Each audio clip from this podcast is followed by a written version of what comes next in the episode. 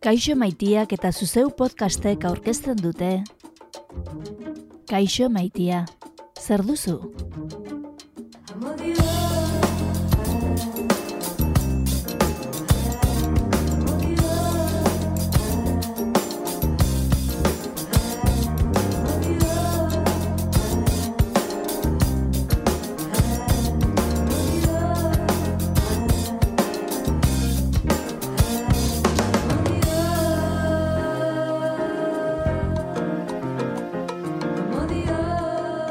Euskal Herritarron harreman afektibo eta sexualei buruzko ikerketa ardatz duen podcasta duzu entzun gai lagun.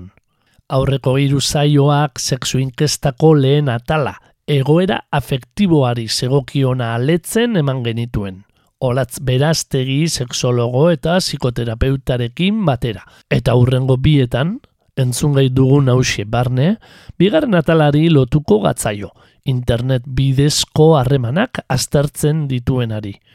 Hoi denez, kaixo maitia, zer duzu? Podcastean, olatz beraztegi eta inigo arandia izango ditugu bideide.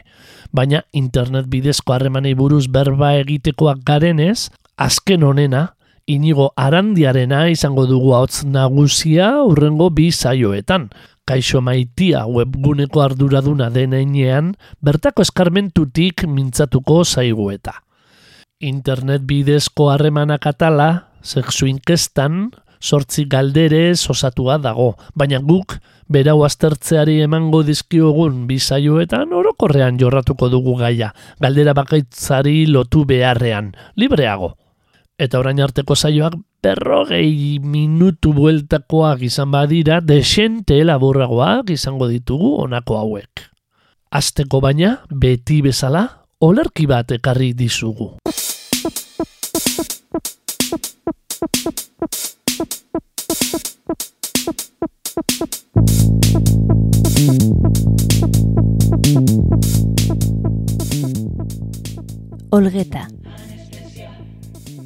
Elkartzea langintza erresagoa da gure gorputzek bat egin ostean. Paper eta boligrafoari bosta xola eta mesederik ez guk idazten dugunetz baina zure gorputza mugitua la nire eskuen azpian kargatuta eta zain uala mozten dugu, sortzen nauzu, zure izterren aurka irudiz menditzu gure hitz lurraldeetan barren atrostan, nire gorputzak zure aragian idazten du zuk bihurtzen nauzun poema zu ukituz gauerdia harrapatzen dut. Estarrian ilargi suak pizten zaizkidalarik maite dut zure aragia loretan. Egin zintudan eta eginda hartu nire barrura.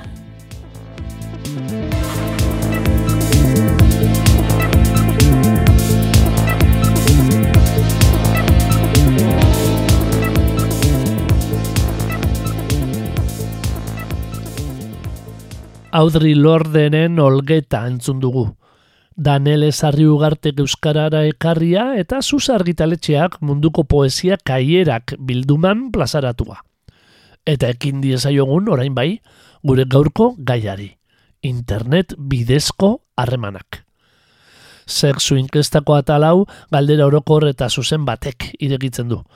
Harremanetarako webguneren batean izena eman duzu inoiz? Erantzun dutenen artean, eguneko geta iruak, kasik lautik batek, baietz dio. Bueno, ez? Bada, bada datu bat, ez? Bada torrena bat gaurko gizartearekin. E, goraka da nabarmena izan duten ikuste zare sozialak eta zare sozialen bidez ba, harremanak edukitzeko aukera. Orduan, bueno, ba, bai ikusten dena da, ez? Gizartean, geroz eta erresago hitz egiten da horri buruz, geroz eta erresago hitz egiten dugu horrezagutu dugula gure bikotekidea, ez?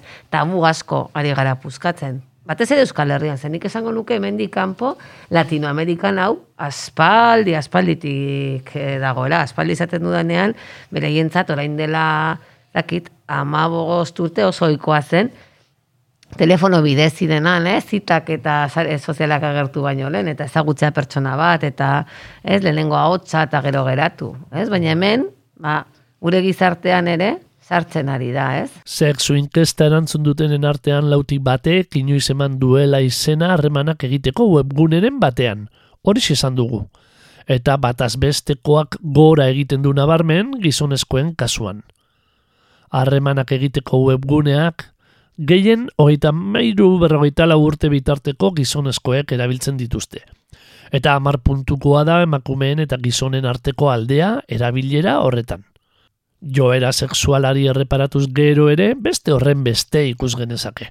Homosexualek, heterosexualek baino, desente gehiago erabiltzen dituztela harremanak egiteko webguneak. E, bai, bueno, nik itzengo gizon emakume kontestu horretan, e, betidanik, emandan e, egoera bat izan da, betidanik, nik uste du webgune guzti guztietan, e, dala giz, askoz gizonezko gehiago egiten diala, e, horrelako webunetan izan eman da, emakumezkoa gai, eta kaixo maitia ere, ez da excepzio bat.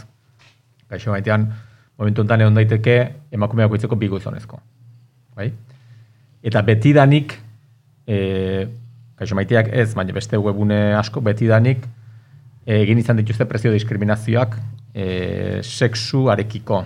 Diskriminazioa esaten detenean, askotan izaten da beste zerbait. Bai? Eta gu hortan ez gai joan sartu, nik uste e, e, kaixo maiteak zerbitzu bat eskintzen du, eta horre dauka prezio bat, berdin du, gizonezkoa izan edo emakumezkoa izan. Eta ez duguna nahi da, e, emakumezkoa izatea, e, ia produkto bat, e, beste, beste askotan enfokatzen den bezala, ez? Eta, eta hori hori errealidade bat bada. Horren atzean zer dagoen, ba, ba, ba, bueno, ez da erresa esaten, baina nik uste eta azkenen badaudela, e, ustezko rol kultural e, sozial batzuk e, honekin zer ikusi daukatenak, ez? Momentu batean emakumezko bat egotea horrelako webune batean, e, bikotekide bila bilela edo gizonezko baten bila da bilela e, adirazteak, ba, ba konotazio batzuk, e, orain bai. artean ez dianak izan e, onartuak, bai. esateko. Buskatzen ari gara, ez? Buskatzen ari gara, baina egia da. Ez? E, konotazio negatiboak izan du e, ligatzeko araia emakume bat proaktiboa izatea. Mhm. Hor, hor esplizitoki proaktiboa izan behar zara, ez? Orduan, nik uste dut hor genero rolak, vamos, bete-betean ematen dutela, ez? Zer, zergatik gizonezkoak, ba, errexago jotzen duten edo, ez? Kopuru altuagoa den gizonezkoena, bai, nik esango nuke, eta nik esango nuke gaur egun aldaketa bat horrela, baina gehiago esango nuke, uste dut, e, urrengo urtetan gehiago igoko dela zare sozialen ingurukoa, Zen nik esango nuke orokorrean kalean biak atzera egin dugula, esan nahi dut. Mm Gaur egun ez gizonezkoak ez emakumezkoak ez gara proaktiboak, ez? Ez dakit, hor bada, bueno, ba, egia da e, moduak zaindu behar ditugula, nola gerturatzen garen bestera, baina askotan, hain gizarte politikamente egokian bizi gara nola urbildu eta ez urbildu eta zer egingo dudan, beldurra hartu diogula urbilketari ere.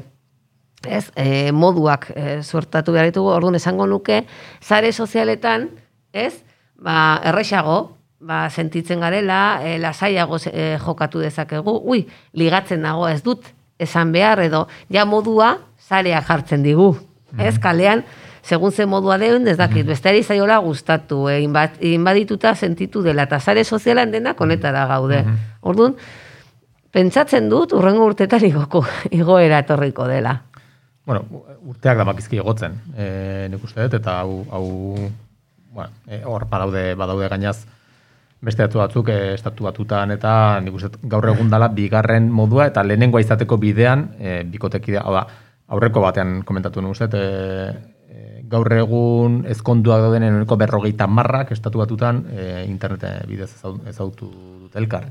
Geldikor, kieto. Ameriketako estatu batuen eskonduen euneko berrogeita marrak zarean aurkitu duela bikotekidea kopuru izugarria begitan du zaigu. Oso altoa da. Eta, eta honekin jarraitu da pixkat, seksuaren guran, kaixu maitiako esperientziatik esan dezaket, argazkia jartzea, oza, gauza bada izen ematea, eta beste da, mhm. argazkia jartzea. Eta, eta horre nabarmen nada, e, gizonezkoak askoz gehiago jartzen dituztela argazkiak, emakumezkoa. Eta horrek hori ere, esanguratxoa da, e, bueno, ba, zoritxarra ez da esan gura antxoa, esan duke. Ez, da, momentu batean espazio hori ere gizonak hartzen du e, inungo arazori gabe, eta emakumezkoak ez du hartzen e, espazio hori nola baita esateko ez, eta eta horrek ere e, bueno, ba, ba, batzak aipatzen zuen genero rolarekin zer ikusia dauka, eta baduka ere zer ikusiaren gizar, gizartearen e, ikuspuntu batekin, ere. Mhm. Landotan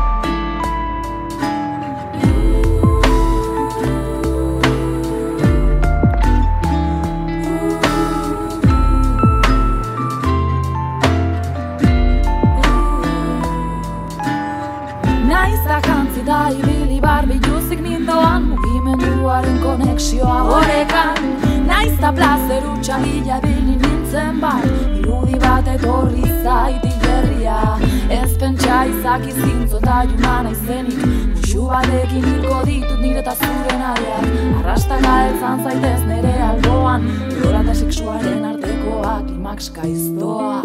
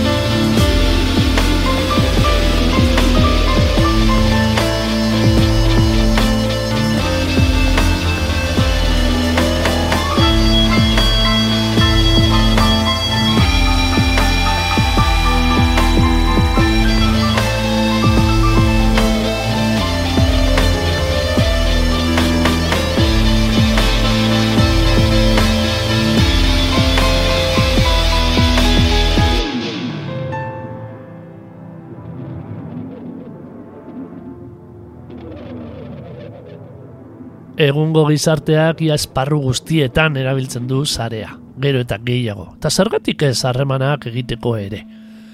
Lehen Ameriketako estatu batuak aipatu ditugu, baina ondo legoke nazioarteko datuak ezagutzea alderaketak egin ahal izateko.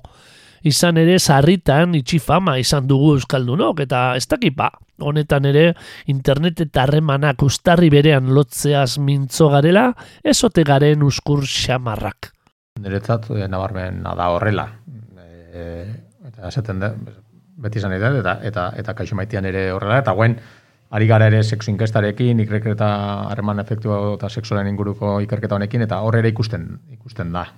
E, bueno, badaukagula, bueno, alako freno kultural bat bestearekiko joateko, eta eta bai, bai ligatzeko, bai, niretzat Niretzat realidade bat da. Bai. Realidade. Gero eta gutxiago egon daitekena, eta generazio gazteagoek agian Bai. gutxiago dutena, baina hori existitu, ne ustez existitu da.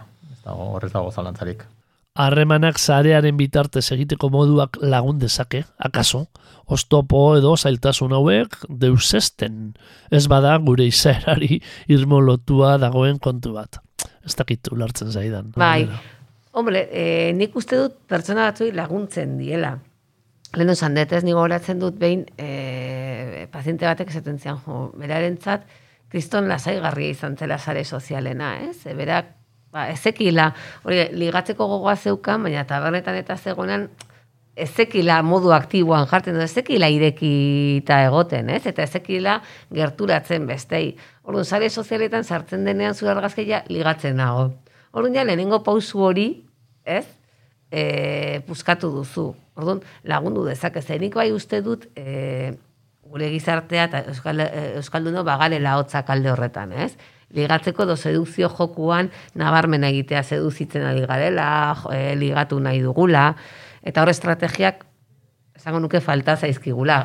Generazio berriek, ba bueno, badatoz, ez? E, modu berriak hartu eman hoietan eskata mutilak e, oituagoak di, e, daude, orduan horrek guztiak errazten du, baina eta guztiz hor badugu lana, orduan sare sozialak hortan, noski laguntzen duela. Hor aurreko atalen batean ere, aipatzen galdetzen zan, e, galdera batean, zure ustez e, internet, o sareako harremanak e, e, izaten laguntzen du, eta onartzen zan.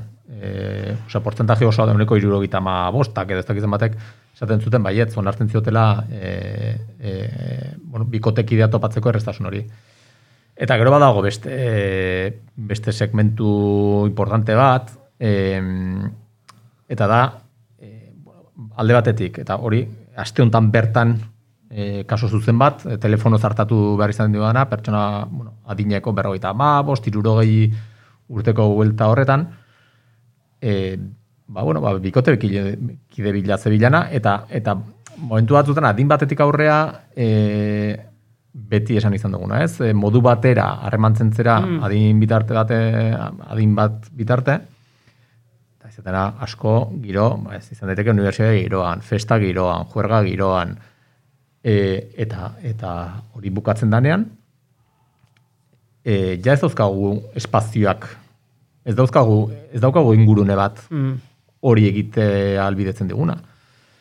Eta horrek zaintzen ditu e, bikotea topatzeko aukerak. Eta internetek e, errastasunangatik e, leheno olatzek aipatu duna, ez? Azkenean, kaixo maitean dagona dago zerbaitetarako.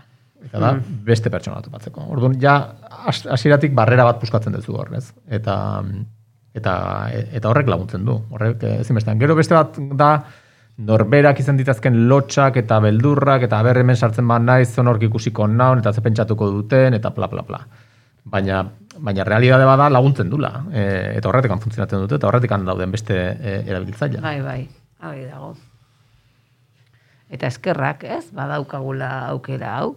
Zen, ez dakit, eta inkluso pentsa, ez, zure el- eremuan, zure espazioan, ez, pentsatzea, birpentsatzea, jende bat topatu dezakezula, zure herritik kanpo, zure, nik uste interesgarria dela baita, ere? Ez askotan, ingurua, ingurua, inguruan esaten dugu, hau da dagoena, ez negatiboan, ez, baizik eta pentsatzea igual, zurekin afina den norbait, ezingo duzula topatu, ez duzula topatzen, ma, sare sozialak ematen du horrelako aukera, ez? internet bidezko harremanei buruz mintzo gara, eta lehen ere esan dugu, erantzunei erreparatuta, badiru diela homosexualen artean, oikoagoa dela ligatzeko sarea erabiltzea. Errezagoa zaiela internet bidez harremanak egitea. Bai, segurazki leno inigo kaipatu duenarekin lotuta dago genero rolak, mutilak, lasaita, homosexualak aipatzen ditugunan, nik esango nuke hor, mutilen kasuan dela, eh? gehiago erabilita. Ez? Nesken kasuan portzentaiak ez dira altuak. Eta hor, segurazki zer ikusi ere mutilak, ez mutilak eta homosexualak, ba, lasai asko hitz egiten dutela honetan, ez? Eta sozializatzen dutela, eta aspaldidanik tresnau erabili izan dutela. Badago lotuta ere noski, zer suposatu duen homosexuala izatea e, urte askotan, ez? Ezin, ia ezin zuten hori esplizituki adierazi, orduan, ez, olako espazioak, eskerrak, izan dira beraientzat espazio batzuk, ba, jendea ezagutzeko, bizibilizatzeko, beraien sexualidadeaz esploratzeko, osake ongietorriak, ez? Bai, nik uste hor homosexualak ere, e, historikoki e, jarri izan duten jazarpenangatik eta, eta ber, espazio fisiko propioak behar izan dituzte, eta denak ezautzen dugu donostian, ze tabernatan e, e, biltzen, bildu hartzuten edo biltzen ziren, e, eta biltzen diren agian orain ere. E, eta espazio hoien faltan, nik uste, e, izan dela, e, espazio digitala izan dela, bere, e, bueno, ba, kolektiboarentzat, oso importante izan da e, tresna bat, espazio bat, eta eta horri eskerrak ere e, nik uste ere e, horrek ekarri dula ere, e, handi batean, e, bueno, bizibilizazio maila bat ere. Sexu inkestak, erabiltzekotan, harremanak egiteko webguneak zenbatero erabiltzen ditugun ere galdetzen du. Multzo horik handiena inoiz erabiltzen ez dutenena da. Esan dugu hasieran lautik batek baino ez dituela erabiltzen. Baina erabiltzen dituztenen artean, urtean pare bat aldiz erabiltzen dituztenak dira gehienak. Gutxi dira egunero erabiltzen dituztenak. Eta talde honetan, maizen darabiltzatenen artean dira nagusiki eskonduak, bananduak eta dibortziatutakoak. Bueno, ezagian e, nahi dutelako berriro, ez, bikoterreman bat edukitzea, eta adinaren arabera noiz e, banandu zauden, ez da erresa jendea ezagutzea, esango dugu, ez, Euskal Herrian nun ezagutu da, eta nun ligatzen du jendea gehien bat, atera zendatu hori, ez, taberna giroan, adin batetik aurrera ez da erresa, zu joan zaitezke bakarrik, baina ligoteo bezala, ez da erresa, ze, bueno, ja, ez zure inguruko askok beste bizimodu badaukate, ja, ez zara maiztasunarekin ateratzen gauean, orduan, horrelako espazioak, nik uste dut, ireki dietela beste aukera bat, ez, jendea ezagutzeko, eta gainera nik hori ikusten dut konsultan, ez, eta bikotek bananduta ditudan pazienteak edo inguruan, eta bat batean, mutile doneska, ba, beste provintzia batekoa, edo beste herri batekoa, ez, bueno, ba, ireki diela aukerak, ez, beste modu bat, eta agian leno, zure bikotekidea zure ingurukoa zen, baina orain nahiago duzu, hortik kanpo, ez, eraikitzea bikotea, ba, pixkat buskatzeko rutina horrekin, eta sare sozialak, ba, ba bai ikusten da, ez, erabiliak direla. Nik kaixo maitean espentziatik esango nuke, erabiltzaileak normalean astean behin pare bat aldiz. E, ez diala egunero sartzen diran, e, e, bueno, ez diala e, egunero sartzearen e, perfil bat. E, no, esateko, horrek zer ikusi handia du ere, e, nola diseinatzen dian tresnauek. Zer momentu batean baduzkatzu tresnak eta aukerak, digitalak, e, hori provokatzeko ere. Zuen zaitezke, e, eta, eta hortan oinarritzen dira gaur egun, sare sozialetako ez zure atentzioa deitzen eta zure denbora hartu nahi horretan e, ba, bueno, ba, konstanteki esan bezala alarmak eta alertak eta mm. eta bidaltzen ez. Eta hori guk e, ez dugu provokatzen, e, baldin eta ez balin bada e, e, eskaera zuzen bat bezero batetik edo ere biltzaile batetik bestera. Orduan bai jakin ez honek e, bezu bai aldu orduan bai. Baina bestela e, saiatzen gan mugatzen e, jakinarazpen horiek. Eta horrek horrek asko baldintzatzen du ere e, zenbaiztasunekin erabiltzen diagu gure. Euskal Herritaron harreman afektibo eta sexuali buruzko ikerketako bigarren atalaz mintzatu gara gaurko saioan, internet bidezko harremanei buruzkoan. Orokorrean, erabiltzen ote ditugun jakin gure izan dugu saio honetan. Eta lagungarriak ote diren galdetuko dugu urrengoan. Hementxe itxiko dugu beraz gaurko saioa. Koban taldearen neska zaharraren koplak entzun da. 2008an donostian sortutako taldea da koban. Makina bat musikari dituena, gehienak emakumeak, eta elektrosuina jorratzen duena. Audrey Lorderen olerkiarekin saio abiatu dugunean, anestesia digitala entzun dugu azpitik. Taldeak iaz plazaratu zuen singeletako bat. Eta saioaren erdialdean egin dugun atzeen alditxoan, klimax gaiztoa bihurri xamarra.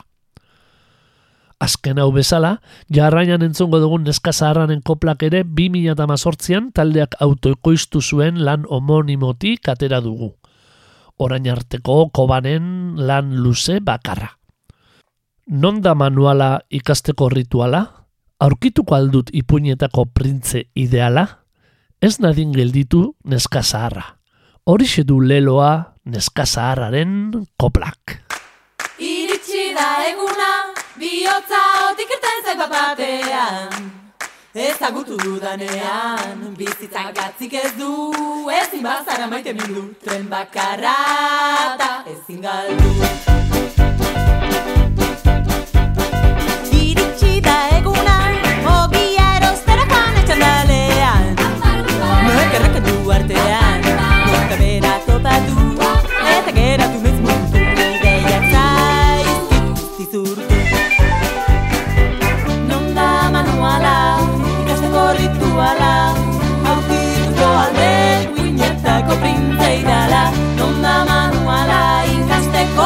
rituala, aurkituko alde, guinetako printze idala.